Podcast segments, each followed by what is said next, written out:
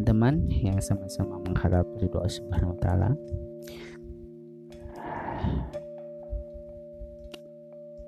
Pada waktu ini saya akan membahas atau membacakan buku yang menurut saya menarik yaitu tentang kebijaksanaan para ulama sufi terkemuka dari berbagai zaman yang ditulis oleh Muhammad Ustadz Muhammad Jaki Mubarak. Beliau adalah dosen studi Darul Kandangan. Akun Twitter beliau yaitu @jaki underscore katami. Judul bukunya yaitu Sabar dan Ridho Resep Hidup Damai dan Bahagia. Saya masuk ke bab pertama yaitu keutamaan ilmu dan hikmah. Bagi ahli hikmah, sehari saja berlalu tanpa memperoleh hikmah dari Robnya adalah sebesar-besar musibah.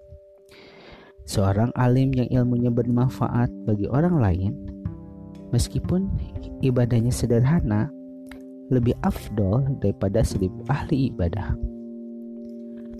Allah Subhanahu wa taala menawarkan kepada Nabi Sulaiman alaihissalam untuk memilih antara ilmu harta, dan kerajaan, beliau memilih ilmu. Akhirnya Allah memberikan ketiga-tiganya. Seorang kuli yang sedang memikul gentong segera menaruh gentongnya ketika melihat Imam As-Sa'bi lalu bertanya, Siapa nama istri iblis? Wah, saya tadi undang kau ke pernikahannya, jawabnya. Seandainya kau tak punya penasehat, cukuplah kematian sebagai penasehatmu. Seandainya kau tak punya harta, cukuplah keyakinan kepada Allah sebagai kekayaanmu. Seandainya kau tak punya pekerjaan, cukuplah ibadah sebagai kesibukanmu. Seandainya kau tak punya ilmu, cukuplah takut kepada Allah sebagai kealimanmu.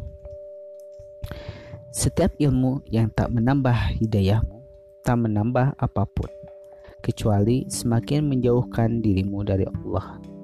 Setiap ilmu yang tak menambah juhudmu di dunia dan semangatmu untuk akhirat, tak menambah apa pun kecuali bertambahnya kekerasan hati, keakuan, kesombongan, dan meremehkan orang lain, hingga merasa semua orang celaka kecuali dirimu. Jika berbicara lebih kamu sukai daripada mendengar, berhati-hatilah. Boleh jadi kamu sedang berfitnah. Boleh jadi kamu sedang terfitnah oleh ilmumu sendiri. Mendengar orang lain menyampaikan ilmu, paling tidak lidahmu selamat dari dosa. Bahkan ilmumu bertambah dan mendapat pahala seperti pembicara. Pembicara yang selamat hanyalah yang dipelihara Allah dari dosa.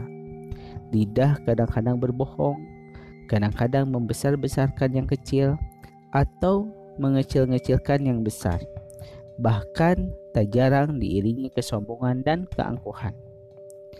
Salah satu nasihat Nabi Adam kepada anak-anaknya, apabila kalian mendapat berita, tanyakan kebenarannya kepada yang paham dan terpercaya Seandainya ketika mendengar berita bohong dari iblis tentang buah itu, aku sempat menanyakan kebenarannya kepada para malaikat. Niscaya aku tidak akan memakannya. Keselamatan setiap orang berilmu terancam oleh ilmunya sendiri, sampai ilmu itu diamalkan untuk kebaikan. Sekian bab 1 tentang keutamaan ilmu dan hikmah.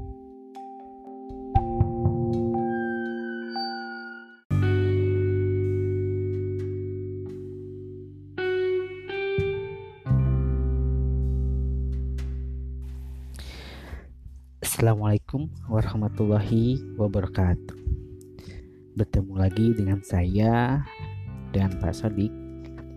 Malam ini saya akan membahas atau membacakan bab kedua setelah kemarin saya membacakan bab pertama tentang ilmu dan hikmah.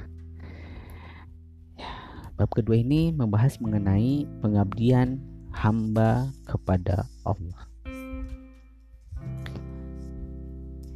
Meninggalkan maksiat sekecil apa pun lebih mendatangkan rahmat Allah daripada seribu kali berhaji, seribu kali berjihad, dan seribu kali memerdekakan hamba saya karena Allah. Entah berapa kali aku telah melupakanmu dengan kedurhakaanku, tetapi engkau pemilik diriku diam-diam selalu mengingatku dengan pertolonganmu. Entah berapa kali aku telah bermaksiat kepadamu dengan kebodohanku tetapi engkau selalu menutupi dosa-dosaku dengan kelembutan. Ya Allah, anugerahi aku agar dapat mencintaimu dan mencintai orang-orang yang membuatku mencintaimu. Ya Allah, apabila kau memberiku apa yang kusukai, jadikanlah itu sebagai kekuatanku untuk melakukan apa yang kau sukai Apabila kau tak memberiku apa yang kusukai, jadikanlah itu sebagai waktu luangku untuk melakukan apa yang kau sukai. Hamba yang bermuamalah dengan Allah secara tunai tak mungkin dibayar olehnya dengan utang. Allah akan membalas hambanya yang taat dengan anugerahnya yang sangat mahal di dunia ini sebelum di akhirat kelak. Setidaknya dia meridoimu sebagai hambanya, dia berikan kelezatan dan ketentraman bersamanya, dan dia bukakan hatimu untuk ketaatan-ketaatan berikutnya. Doa yang diterima, budi yang luhur, hati yang bersih, tetesan air mata, bahasa yang halus, harapan yang tercapai, kematian yang indah, air mani yang baik, anak yang soleh, bijak, santun, hati yang lembut, selamat dari dosa, adalah buah dari rezeki yang halal. Nabi Daud alaihi salam berkata, Ya Robbi, tunjukkan kepada hamba amal yang dapat mengantarkan hamba ke surga. Allah berfirman, utamakan kesukaanku daripada kesukaanmu. Andai aku memiliki harta yang halal sebanyak dunia dan isinya dari sejak awal hingga akhir, lalu semua itu kuinfakkan di jalan Allah, hal itu tak membuat aku suka jika karena semua itu aku menjadi lalai dari mengingat Allah walaupun hanya sekejap mata. Apabila tidak jelas bagimu mana yang benar di antara dua perkara lihatlah mana yang lebih dekat kepada hawa nafsumu, lalu jauhilah. Zikir yang paling afdol adalah ketika Anda sedang berbuat maksiat, Anda ingat kepada Allah, lalu Anda segera menghentikan perbuatan itu dan pergi meninggalkannya.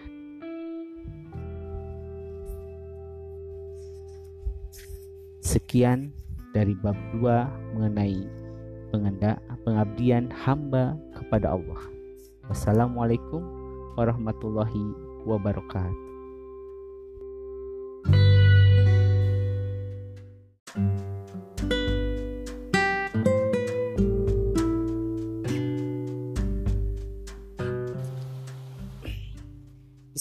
Bismillahirrahmanirrahim. Assalamualaikum warahmatullahi wabarakatuh. Nah, teman-teman apa kabar? Alhamdulillah ya mudah-mudahan baik. Baik eh, teman-teman eh, hari ini saya akan masuk ke bab 3 masih buku dari Ustaz Zaki Mubarak yang berjudul Sabar dan Ridho Resep Hidup Damai dan Bahagia. Bab ketiga yaitu mengenai akhlak yang mulia. Allah membagi akhlak sebagaimana dia membagi rezeki. Allah memberikan rezeki duniawi kepada setiap orang. Sedangkan rezeki ukhrawi hanya diberikan kepada orang-orang yang dicintai. Ahlak yang baik didapatkan dengan cara menjemputnya, sebagaimana mendapatkan rezeki yang halal. Rezeki ukhrawi adalah ibadah dan akhlak yang baik. Kemuliaan bukan terletak pada seberapa banyak harta dan anak-anakmu, tetapi pada seberapa banyak manfaat ilmumu dan seberapa santun akhlak. Kemuliaan juga tidak terkait dengan tempat tinggalmu. Meskipun kau tinggal di tanah suci, bukan tanah itu yang menjadikanmu suci, melainkan amal soleh. Islam yang sempurna jika orang lain selamat dari lidah dan tangannya. Iman yang sempurna memandang janji dan ancaman Allah yang belum tampak seperti telah tampak. Ihsan yang sempurna selalu melihat kebesaran Allah bukan sesekali. Merasa jauh dari kesempurnaan adalah bagian dari anugerah Allah. Teruslah berbenah. Muhammad bin Zaid mengisahkan, Aku pernah mengunjungi Malik bin Dinar. Saat itu, kulihat ada anjing di samping beliau. Ketika aku akan mengusirnya, beliau mencegahku. Biarkan saja, duduk di samping anjing lebih baik daripada di samping manusia buruk akhlak yang suka mengunjing orang lain. Betapa hebatnya kedudukan manusia dibanding binatang. Namun, Allah tak segan-segan memasukkan seseorang ke neraka hanya karena kejahatannya kepada seekor binatang yang tak bisa berbicara. Betapa bencinya Allah terhadap perbuatan dosa besar, namun Dia mengampuni seseorang karena kasih sayangnya kepada binatang meskipun itu seekor anjing. Manusia dinilai bukan dari garis keturunan, suku, dan rasnya, tapi dari kemurahan hati dan keluhuran budinya. Seorang budak bisa lebih terhormat daripada seorang tuan karena kemurahan hatinya.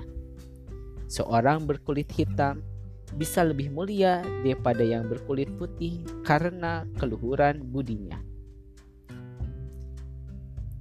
Iman seseorang tidak akan sempurna hingga dia tidak mencela aib orang lain yang juga ada pada dirinya dan tak menyuruh orang lain memperbaiki kesalahannya hingga dia berusaha memperbaiki kesalahannya sendiri. Beruntung orang yang sibuk memperbaiki dirinya sendiri dan tidak sempat mengurusi orang lain.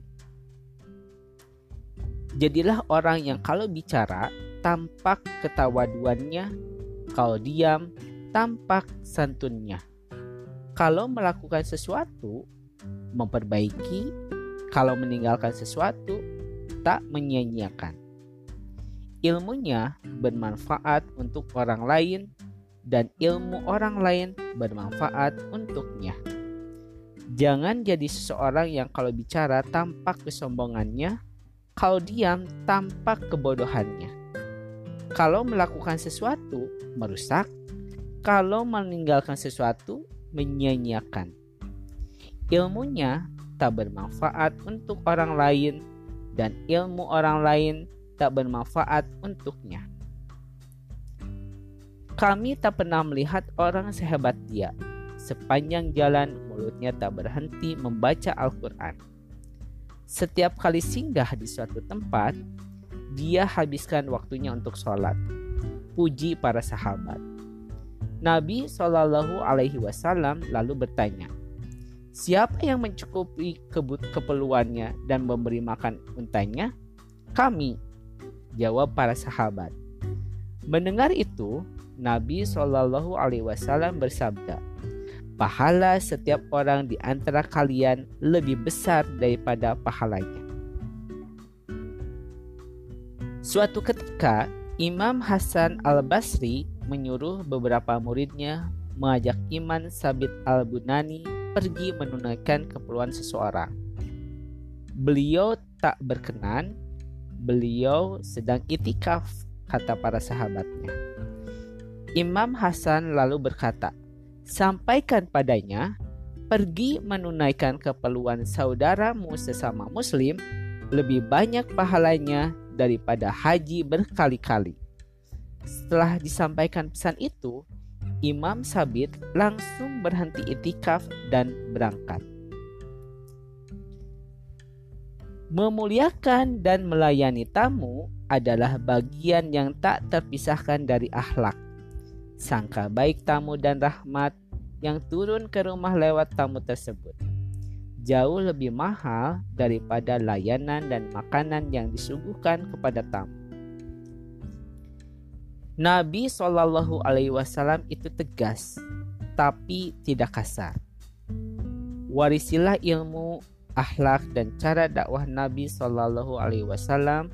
Ucapan-ucapan yang kasar, vulgar dan menyakitkan adalah pertanda kesombongan, ketidakdewasaan, dan ketidakcerdasan seseorang dalam mengekspresikan isi hatinya. Hai anak Adam, bagaimana kamu mengaku muslim sedangkan tetanggamu tak selamat dari ucapan atau perbuatanmu yang tak sopan? Bagaimana kamu mengaku mukmin sedangkan orang-orang tak merasa aman dengan keberadaanmu? Pengikut para nabi adalah orang yang mengikuti akhlak mereka, yaitu ridho pada sang kholik dan menyayangi makhluknya. Apabila seseorang menghinamu, katakan, jika itu tak benar, semoga Allah mengampunimu. Jika itu benar, semoga Allah yang maha pemurah mengampuniku. Jika hati seseorang dia berkahi Allah dengan kasih sayang, maka limpahan keberkahannya dapat kau saksikan lewat ucapannya yang santun dan ahlak yang mulia. Sebaliknya, jika hati seseorang dipenuhi sampah kebencian, limbah busuknya dapat kau saksikan lewat lidahnya yang suka mencela dan ahlaknya yang buruk. Tidak ada yang paling liar dan paling sulit dijaga selain lidah manusia. Tak cukup satu atau dua pintu, Allah buatkan empat pintu untuk menjaga lidah kita. Bibir atas dan bibir bawah, gigi atas dan gigi bawah. Keberuntungan orang kaya adalah ketika Allah berfirman kepada para fakir miskin di hari kiamat. Kenali orang-orang yang di dunia pernah memberi kalian sepotong roti, seteguk air, dan selembar pakaian. Raihlah tangan mereka dan tuntun mereka ke surga. Orang yang paling baik adalah orang yang kehidupannya menjadi sarana kehidupan bagi orang lain.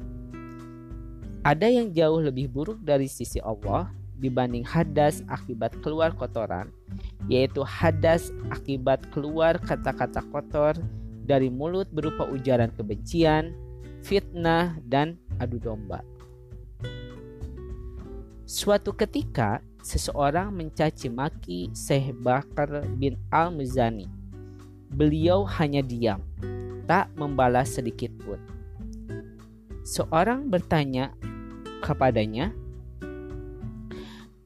Kenapa Tuhan tidak membalas mencela orang itu? Beliau menjawab, Aku tak tahu sedikit pun keburukan dirinya.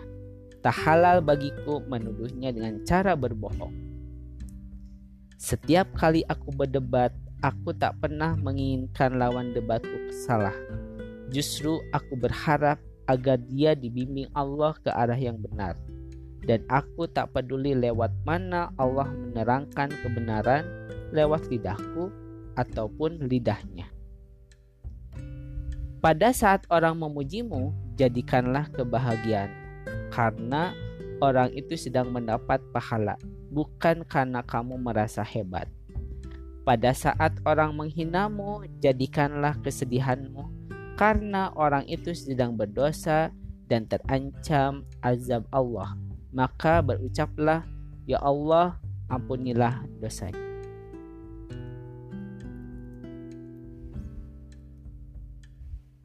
Sekian bab 3 dari buku Sabar dan Ridho Akhlak yang Mulia. Wassalamualaikum warahmatullahi wabarakatuh.